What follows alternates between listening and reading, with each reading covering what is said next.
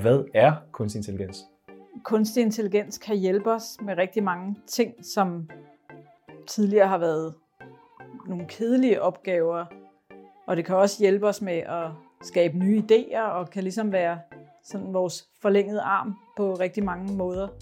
Hvis man skal definere kunstig intelligens, så kan man sige, at det er, når en maskine kan gøre det samme, som et menneske gjorde førhen.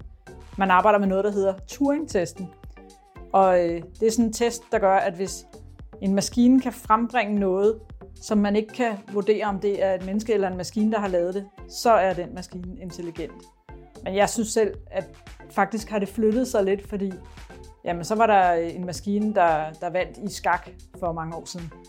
Og så, så, så ligesom om, nå okay, nej, nej, den er, det er ikke kunstig intelligens. Og så, øh, nå, så var der en maskine, der vandt i det kinesiske skakspil Go. Nå, ah, det var, så, så flytter man lidt grænserne hele tiden øh, efterhånden, som, som udviklingen, udviklingen går. Og når man sådan ser på det, så, så sker der en eller anden udvikling i retning af, at man taler om, at noget er kunstig intelligens, til at det så nu bare er en Tesla, en selvkørende bil. Så taler man ikke om kunstig intelligens længere. Altså så, så glider det udtryk i baggrunden.